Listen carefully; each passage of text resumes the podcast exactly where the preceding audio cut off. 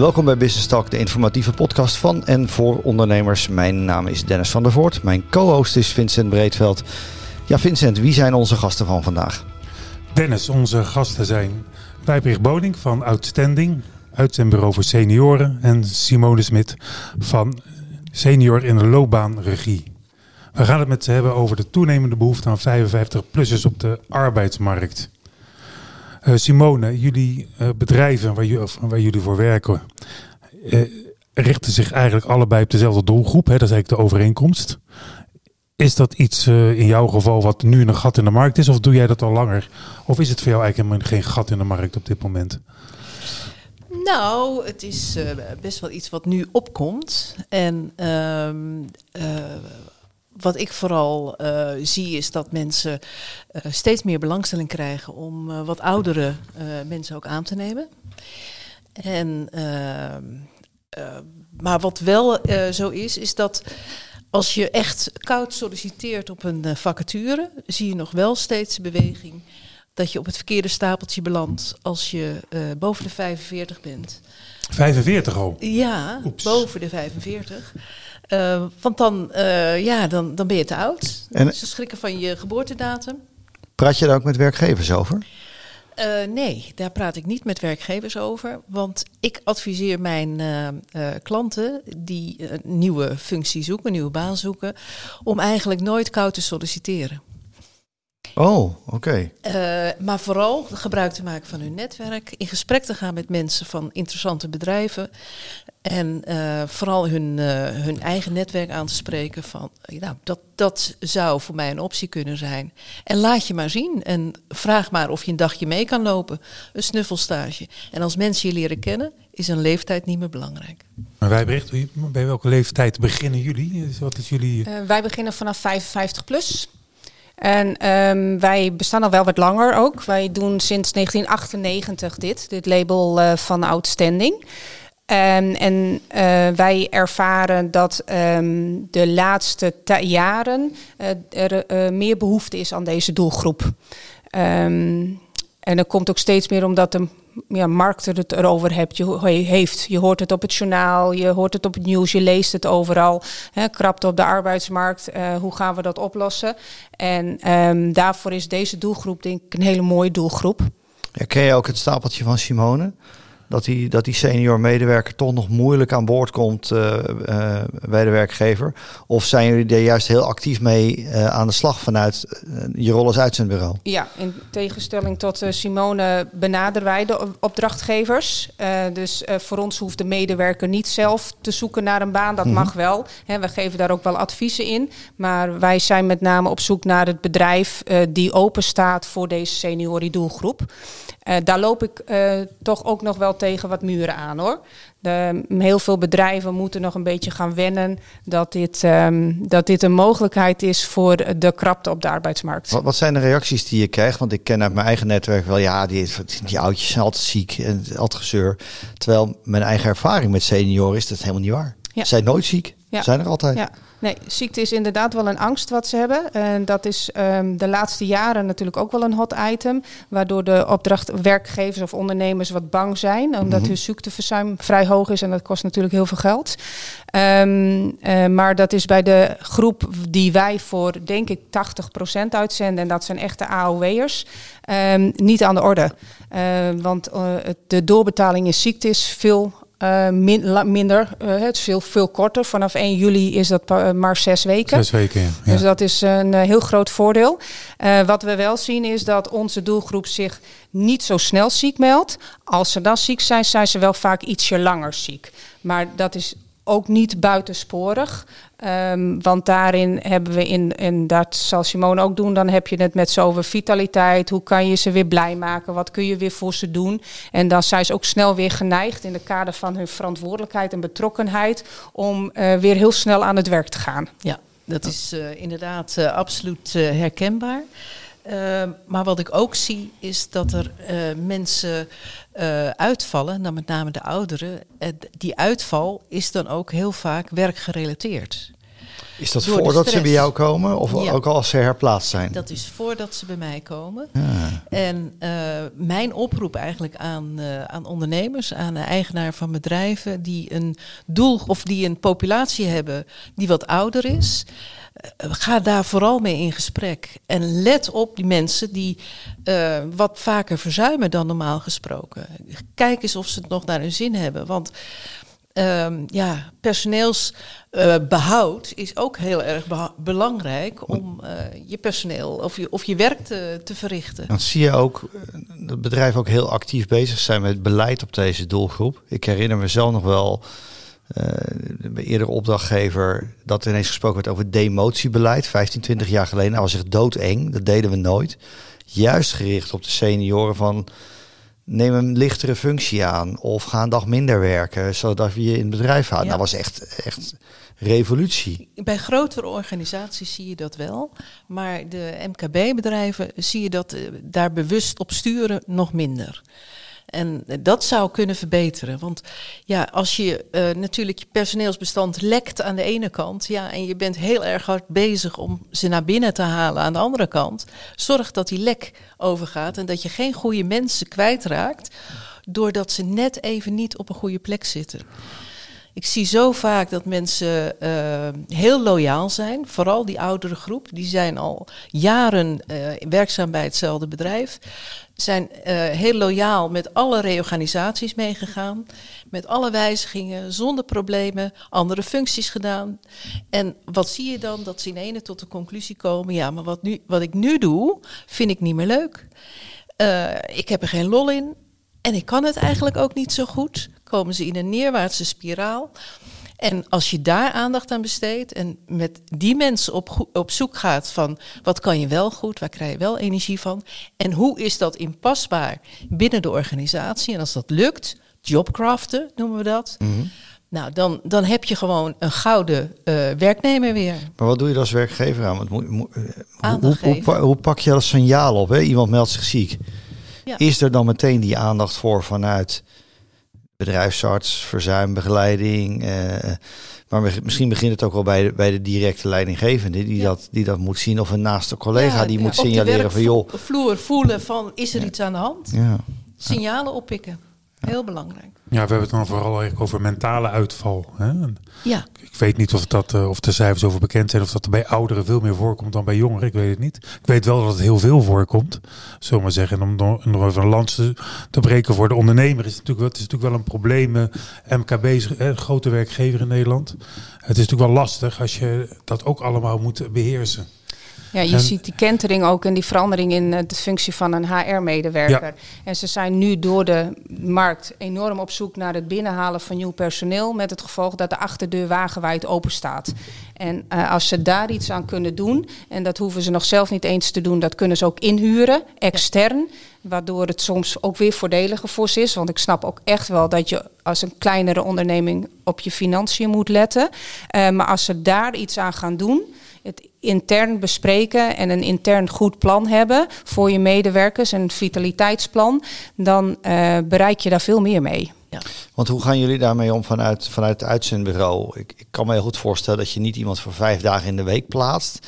Eh, en aan de andere kant kan ik me als werkgever wel heel goed voorstellen van ja, ik wil gewoon mensen vijf dagen in de week. Die functie is zoveel uur in de week en die wil ik gewoon ingevuld hebben. Ja, Maar krijg ik dan bij jou een, een senior die inderdaad wel die volle baan aan Nee. kan of Nee. aan wil? Nou, in sommige gevallen vanaf 55 eh, wil dat nog wel eens. Eh, maar ook in onze doelgroep zie je dat de mensen niet eh, meer fulltime willen werken. Of fulltime 32 uur voor fulltime al is. Maar dat zie je ook bij de generatie daar ver onder. Dat Ja, is echt wel een tendens. Ja.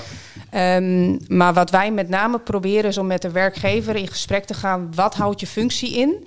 En kun je je functie bijvoorbeeld opdelen? Vorige week zat ik bij een klant, die zijn op zoek naar een HR-manager. En kunnen ze niet vinden omdat ze iemand zoeken voor beleid en processen. En ondertussen ook de sollicitatiegesprekken. En ze kunnen Juist. niet iemand meer vinden die die baan wil. In, de, in, de, in wat voor generatie Maar je ook. kan er wel twee banen van ja, maken. met het gevolg waarop ik dan het advies geef van goh, splits hem op. Zoek iemand voor het, eh, de sollicitatiegesprekken, het interne proces en zoek iemand voor de processen en het beleidsmatige gedeelte. En dan zie je in één keer de ogen ogen ook open gaan van de ondernemers. Zo van, hé, hey, daar hebben we helemaal nog niet over gedacht. Ja. Dus dan krijgen ze er bij mij twee van, bijvoorbeeld 24 uur. En dan heb je een prima balans, ook in je organisatie, waarin je verder kunt. En wat ook het mooie van twee mensen op één functie is, dat als ze op vakantie zijn, is je functie altijd bekleed. Er is nooit dat je drie weken niet bereikbaar bent op een afdeling. Nee, want dan gaat één gewoon even tijdelijk een paar Ja. dagen meer werken. Ja. ja, Ja. zo slim zeg. Ja. Ja. Ja. Mooi. Hoe vinden jullie die senioren? Ja, ik vind ze fantastisch. Nee, ik bedoel, Ik, eh, eh, vinden Waar in de hou je zin ze van waar haal je bedoel ze je? Ja, oh, denk hoe ik ook. vind ik ze? Ja. Nou, ik vind ze fantastisch en ik vind ze ook nog. Ik vind ze, ehm, eh, gek genoeg vind ik ze op de socials. Eh, ik vind Toch ook, de, ja. ja. Ja, ja, de ook de generatie. jonkies gevonden worden eigenlijk. ja, hè? Die- ja, en dan door de op headhunters en de... ja, ja, maar ik vind ze heel veel via Facebook. Oké. Eh, want ehm, onze generatie volgt de kinderen en de kleinkinderen. En eh, die zien dan weer dingen en dan horen ze weer dingen. En dan volgen ze dat dus eh, via Facebook heel veel. Maar ik vind ze ook heel veel via via. Eh, dus we hebben een enorme databank, nou, omdat we ook al zo lang bestaan, ehm, gevuld met mensen eh, waarin we zeggen van weet jij nog iemand? Ken je nog een buurman? Ken je nog een vriend? Vind je nog deze baan? Mag ik een poeltje voorop stellen voor vijf chauffeurs bijvoorbeeld? En dan zeg ik ook van nou heb je nog iemand die dit wel met jou wil doen? Ja, dus op, op via via en, en de socials. Maar bij jou is het eigenlijk anders, hè, Simone? Want Ja, ze mij- komen pas bij jou als ze een probleem hebben. Ja, ze komen bij mij als ze ongelukkig zijn. Ja. Ehm, en eh, soms hebben ze een werkgever die dat signaal oppikt en zegt van, nou, daar hebben we eh, wat een budget voor over. Dat jij eens met iemand praat die jou verder helpt. En eh, we hopen dat je dan blijft, eh, wellicht in een ander soort functie of net even een andere invulling van je functie. Ehm, maar eh, ja, bij mij is het echt wel. eh, de, de andere doelgroep is. eh, die heeft geen functie meer. En die vindt mij. ehm, ja, eigenlijk ook wel door mijn eigen netwerk. Die mij kennen. En dan dat ze zeggen van. Nou, misschien kan Simone je wel helpen. Met het weer op gang komen. En op de juiste manier. ehm, eh, nadenken wat je wil. En daar een plan voor maken. Hoe kom je daar dan? Ja. Dan begin je daar meteen mee, want eh, in het voorgesprek hadden we het even over hè, de, de medewerker die al 30 jaar bij een werkgever zit en dan ineens, om welke reden dan ook daar eh, eh, in een reorganisatie zonder werk komt. Dat doet iets met je. Ja. Ehm, ehm, bovendien, je kent alleen de, het dat bedrijf, alles wat daar gebeurt. Klopt. Zelfs al heb je meerdere functies gehad. Eh, en dan zit je ineens, wat nu? En eh, be- begint het eerst met, met een, een mentale oppepper? Hoe moet ik me dat Eh, voorstellen? Verschillend. Het is natuurlijk maatwerk. eh, Maar je hebt inderdaad mensen die echt wel in een rouwproces zitten. Eh, ja, als je je baan verliest, is dat toch heel heftig. En eh, daar besteed ik dan ook wel aandacht aan. Ja. Ehm, maar bij de een is dat wel eh, wat diepgaander nodig dan bij de ander. Eh, en soms is het niet nodig, eh, zeker niet als het gaat om dat de dreiging van echt baanverlies er niet is. en de bereidheid om, van de werkgever om aangepast werk aan te bieden of, of mee te denken wat zal beter bij je passen. Ja, dan, dan, is daar geen, dan hoef je daar geen tijd aan te besteden. Dan is dat Nee. alleen maar prettig. Maar met een ontslag, ja, dan heb je wel vaak twee, drie gesprekken nodig om ehm, nou, dat een plaats te geven en weer toekomstgericht eh, verder te kijken. En wat wil ik dan nu? Ja, want je schetste zo net even van, we moeten eerst even eh, de, de boel ook opruimen. CV, LinkedIn. Eh, nou, inmiddels zou ik bijna denken, ook, ook in de 50-plus generatie is echt wel digitaal eh behendig genoeg om, eh, om daarmee eh, mee te werken. Ik geloof niet dat je nog veel tegenkomt die niet weet hoe het allemaal werkt. Maar kost je dat nog veel, veel tijd om daar echt te zorgen dat mensen na een lang dienstpad een goed profiel hebben en Ja. ook kunnen duiden waar ze eigenlijk goed in zijn? Je moet, je moet eens weten dat hoeveel mensen wel op LinkedIn zitten, maar er nooit wat mee doet. Die hebben ooit een cursus gedaan, eh, LinkedIn of een training, en hebben een profiel aangemaakt. Maar daar, ja, het is nooit nodig geweest om daar actief Nee. op te zijn. Eh, ja, pas als er eh, wel wat aan de hand is, dan gaan ze actief worden. Ja, het probleem is ook natuurlijk wel een beetje met de LinkedIn en alles wat met, eh, met internet en et cetera te maken heeft, dat eh, heel veel banen er gewoon niet zijn. Ze staan er wel, maar ze zijn er gewoon niet. Dat hoor ik ook vaak terug.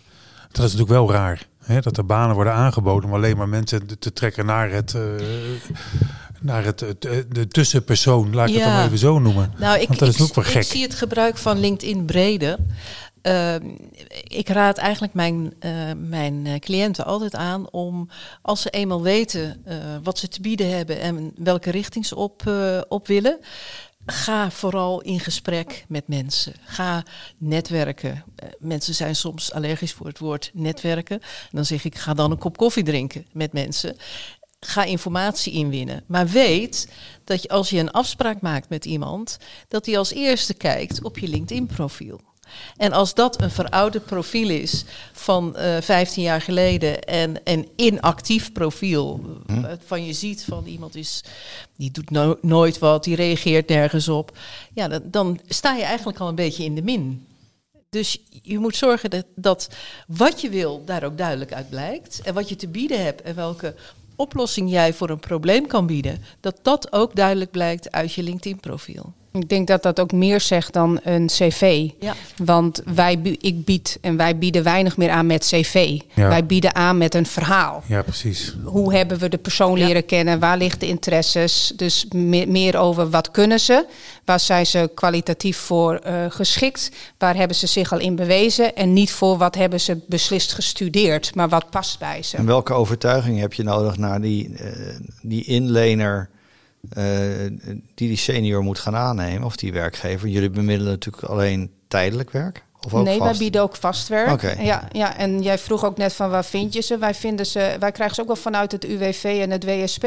Oké. En dat heeft voor heel veel werkgevers ook weer een groot voordeel in een loonkostenvoordeel. Ja. Um, voor 56 jaar en ouder. En daar um, bieden we ze ook aan bij de uh, opdrachtnemers uh, voor... Um, uh, voor van hoe hebben we ze leren kennen, hoe hebben we het sollicitatiegesprek uh, gehad, hè, hoe hebben we dat ervaren, um, uh, wat, waar ligt de interesse, waar zijn ze goed in, wat past bij die baan. Dus meer de baan creëren bij de persoon nu dan andersom. En train je ook je kandidaten in, in het voeren van dat gesprek bij die werkgever? Ja, ja, ja. waar nodig doen we een interview met ze samen en dan mogen we de rollenspellen doen. En waar wij denken dat we ze kunnen helpen nog om ze wel bij te scholen um, werken we met een academy samen, waar, wat een onderdeel ook is van uh, Consolid, waar Outstanding ook het label van is, mhm. waar ze een training kunnen krijgen en dan gaan ze met training en al gaan ze uh, het land in. het lijkt me dan toch wel lastig, hè? want we hebben het eigenlijk over um, generatie X, hè, is het? Hè? Laten we het als we met die letters willen praten. En die moet gaan samenwerken met generatie Z. Ja. En als je dan in sollicitatieprocedure zit en je probeert die uh, generatie X als ik wat wil weten, dan pak ik de telefoon, dan bel ik. Nou, Dennis en ik hebben het er heel vaak over. Uh, generatie Z doet alles behalve bellen. Ja. Dus als je als HR, jonge HR-medewerker ergens bij een bedrijf zit en je krijgt maar dan word je opeens gebeld over de functie die je hebt openstaan. Dan ze nemen die telefoon niet eens op, denk ik. Dan heb je al de eerste clash heb je eigenlijk al te pakken. Hè, tussen, de, tussen, tussen die twee generaties. Merken jullie dat ook? Of is dat iets wat, uh, wat alleen op papier zeg maar, voordoet, dat soort problemen? Nee, ik merk dat ook wel. Vroeger had je de gouden gids. En die sloeg je open en dan ging je bellen. Uh, tegenwoordig uh, heb je geen telefoonnummers meer en je hebt een algemeen e-mailadres. Dus je zult op een of andere manier creatief moeten zijn om de juiste persoon aan de lijn te krijgen. Ook Daarvoor, wel heel vreemd is dat. Hè? dat ja, ja, en ook wendt dat wel weer. Ouderen. Ja, ja. ja, want daar gebruik je ook het LinkedIn voor. Uh, want daar heb je, uh, je hoeft niet besliste premium pakketten te hebben van het LinkedIn, maar je kunt het ook uh, zonder doen. En daar kun je zoeken op bedrijven, dan kun je zoeken op de functies van de medewerkers. Dus op die, manier kun je ze benaderen. En dan heb je in ieder geval een naam. En dan moet ik zeggen dat wij ook wel een beetje van de ouderwetse stempel zijn. Want dan stap ik in de auto en dan rijd ik er rustig naartoe. Ja. En dan gaan ze me echt niet de deur weer uitsturen zonder een kop koffie. En dan heb ik een gesprek met ze gehad en dan begint het balletje wel te rollen. Ja. Het is ook wel grappig, want als je de recente publicaties leest, ja, ik had ze toevallig op mijn telefoon staan, maar ik denk ik ga het niet helemaal opzoeken. Maar het laatste artikel was geloof ik in het Financieel Dagblad van twee weken geleden, Dennis, dacht ik. Ja. En daar stond in, ja, dat eh, het is niet eens zozeer dat uh, de arbeids, de krapte in de arbeidsmarkt de werkgevers dwingt naar oudere werknemers, maar vooral het arbeidsethos van de jongere generatie. Uh, ja, zijn, veel, zijn veel stelliger in de werk-privé-balans. Dus, ja. uh, Bijvoorbeeld. 32 uur. Max. Ja wij vonden het misschien wel of niet normaal, nou weet ik niet. Maar je maakt even je klusje Dat af. discussiepunt. Ook als het al vijf Ja. uur was, je Ja. moet nog vijf minuten door. Ja. En eh, eh, de realiteit is natuurlijk, ook, ook wij eh, hadden gewoon dat arbeidscontract van 40 uur. En er was geen werkgever die van jou claimde of je er mee 50 uur van wilde maken. Maar het was denk ik iets minder rigide, als je Ja. tenminste de verhalen zo leest. En ik zie het ook al met jonge ondernemers in ons netwerk, die er soms ook wel heel anders in zitten. Of jonge. ZZP'ers die... ehm, Simone noemde dat net zo mooi, hè, over het netwerken. Ja, die het ook wel allemaal ingewikkeld vinden. Wat moet ik daar? Kom ik alleen die oudjes tegen? Ja. Daar heb ik al geen zin Nee. in. Nee. En, eh, en wat heb ik er eigenlijk aan? En eh, denk, ja, maar er komen geen gebraden kippen zo eh, bij jou als ondernemer binnenvliegen. En dan heb je het over jonge ondernemers. Maar even zo goed voor jonge medewerkers. Die moeten daar toch ook op een andere manier mee omgaan. Is, is die arbeidsethos, merken jullie dat? Ja, ik, Echt- ik echt merk dat zeker ten opzichte van toen ik destijds begon met werken ten opzichte van nu. Voor ons was fulltime was gewoon 40 uur plus. Daar was geen discussie over. Precies, daar Of werd je, niet over- daar werd niet over gesproken. Maar wat ik wel merk is dat ik, eh, ik, ik begeleid natuurlijk met name de, de 50-plusser. Dus ik Ja. spreek weinig Ja. jongeren. Maar als ik hoor hoe die, eh, hoe leuk die het vinden om samen met eh, jonge mensen te werken. ehm, ja, dan, en, en natuurlijk zeggen ze, ja, die, die staan wel anders in het leven. Maar ik heb er toch ook wel weer bewondering voor. Dat ze die balans in de gaten houden. En, dat, en eh, wij konden dat niet eens eisen, dat we een balans in de gaten konden houden. Want dan. ja, je je impulsen waren 25 Dus de jaar wereld geleden ook anders. En ehm, de 50-plusser, tuurlijk he- hebben ze een andere achtergrond, hebben, komen ze ergens anders vandaan.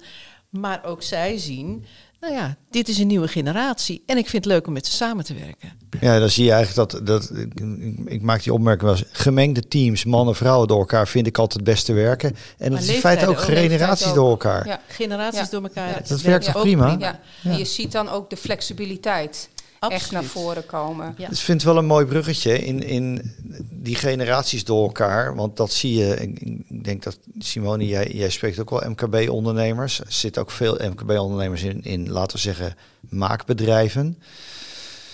Dan denk ik heel snel aan, als je het hebt over, over die, dat generaties bij elkaar brengen, het meester-gezel-model van de oudere, de oudere collega met alle ervaring leidt de jongeren op.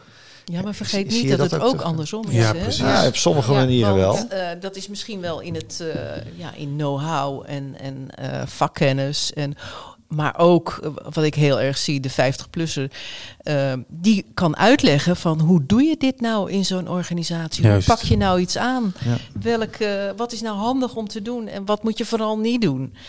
Eh, En dan gaat het niet alleen over het werk, maar ook over gedrag. Ja, Ja, heel ook sterk. dat. Ja. Business, maar, maar, politics. En daarentegen heeft die 50-plusser, die zegt van ja, en dan moet ik iets doen eh, in een nieuw programma. En nou, ik ben niet zo snel als mijn collega. Maar eh, dan vraag ik gewoon, wil je heel even naast me gaan zitten en vertellen hoe het moet? En dan eh, lukt het me ook. En dat vinden ze, die wisselwerking is juist erg leuk om te doen. We hebben het nu over, over deze casus, hè, de, de, de, ineens de kantelende arbeidsmarkt waar die behoefte begint te ontstaan of, of steeds groter wordt aan die senior medewerker. De markt is nu krap. We praten natuurlijk al een half jaar of langer over hè, de afkoeling van de economie, recessie.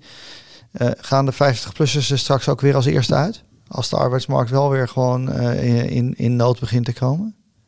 Ik denk dat op het moment dat de opdrachtgever bij on- in ons geval kennis heeft gemaakt met onze doelgroep, dat ze gaan kiezen voor kwaliteit en stabiliteit en niet gaan kijken naar leeftijd. Simone, wat herken jij bij de kandidaten? Die, die hebben dan weer die baan, eindelijk. Hopelijk een vast contract, dat is tegenwoordig ook niet standaard. Ze stralen. En waarom stralen ze? Omdat ze eh, werkelijk op een plek zitten eh, waar ze dingen doen die ze goed kunnen. En waar ze lol in hebben. En dat ziet hun omgeving ook. En hun werkgever ziet dat, hun collega's zien dat. En ze worden gevraagd voor nieuwe dingen te doen. Ik heb een, eh, iemand die zat in communicatie. En die had het helemaal niet meer naar de zin in de werk. Die eh, was eigenlijk een soort belscript aan het maken voor degene die aan de telefoon zat om te vertellen van nou, als die vraag wordt gesteld, is dit het antwoord. Dat vond ze absoluut niet meer leuk. De vraag van wat vind je dan wel leuk, uh, was eigenlijk de aanleiding dat zij vertelde dat ze bij een begrafenis van een collega het woord had gevoerd in de kerk. En dat deed ze zo vreselijk goed dat ze van alle kanten complimenten kreeg. Ze vertelde dat tijdens een gesprek. En ik zei, dus je vindt het leuk om voor een groep iets te vertellen? Ja, zegt ze, dat vind ik leuk. Ik zeg, waarom ga je dat dan niet doen? Ze is met de manager in gesprek gegaan en gevraagd: alles wat ook maar in een groep mogelijk is, mag ik dat gaan doen? Maakt me niet uit hoeveel kilometer ik moet rijden, maar laat me doen, al moet ik naar de andere kant van het land. Nou, ze heeft het gedaan. En vervolgens, is inmiddels nu vijf jaar verder, staat ze voor de klas in Leiden en geeft ze les. Ja, dat is de ultieme manier om voor een groep te staan. Ja, ja. dus dat zijn hele mooie ontwikkelingen. Ja. Mooi. Ja. Mooi om te zien. Eh, volgens mij kunnen we echt nog een uur doorgaan over dit, uh, dit oh, thema. uh, maar dat lijkt me dan veel leuker om er nog een keer een tweede podcast aan te wijden.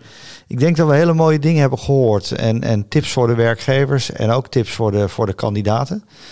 om mee te doen. Dus dankjewel dat jullie mee wilden werken aan, aan deze mooie podcast over de inzet van senior medewerkers. Want daar ging het uiteindelijk over. Nou, dit was uh, Business Talk. Um, over de senior generatie en hoe je daar als werkgever je voordeel uh, mee kan doen. Bedankt voor het luisteren en graag tot een volgende keer.